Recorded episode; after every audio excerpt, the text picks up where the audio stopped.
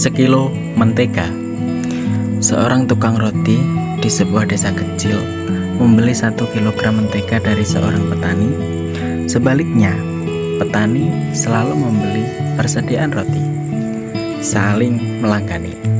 Suatu hari, tukang roti menimbang apa betul mentega yang dibelinya persis satu kilo.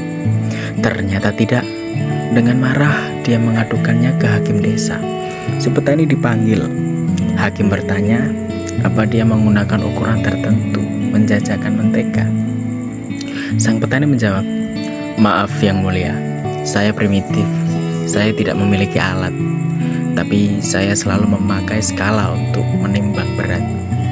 Lalu hakim bertanya kembali, "Bagaimana Anda yakin mentega yang Anda jual memang betul satu kilo?"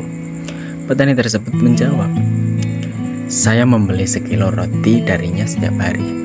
Dengan sebatang kayu, saya meletakkan roti di satu sisi, lalu menambahkan mentega di sisi lain sampai seimbang. Kalau ada seseorang yang salah menimbang, dia adalah tukang roti."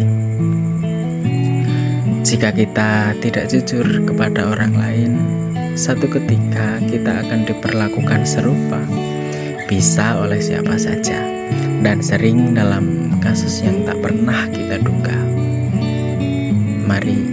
kita selalu jujur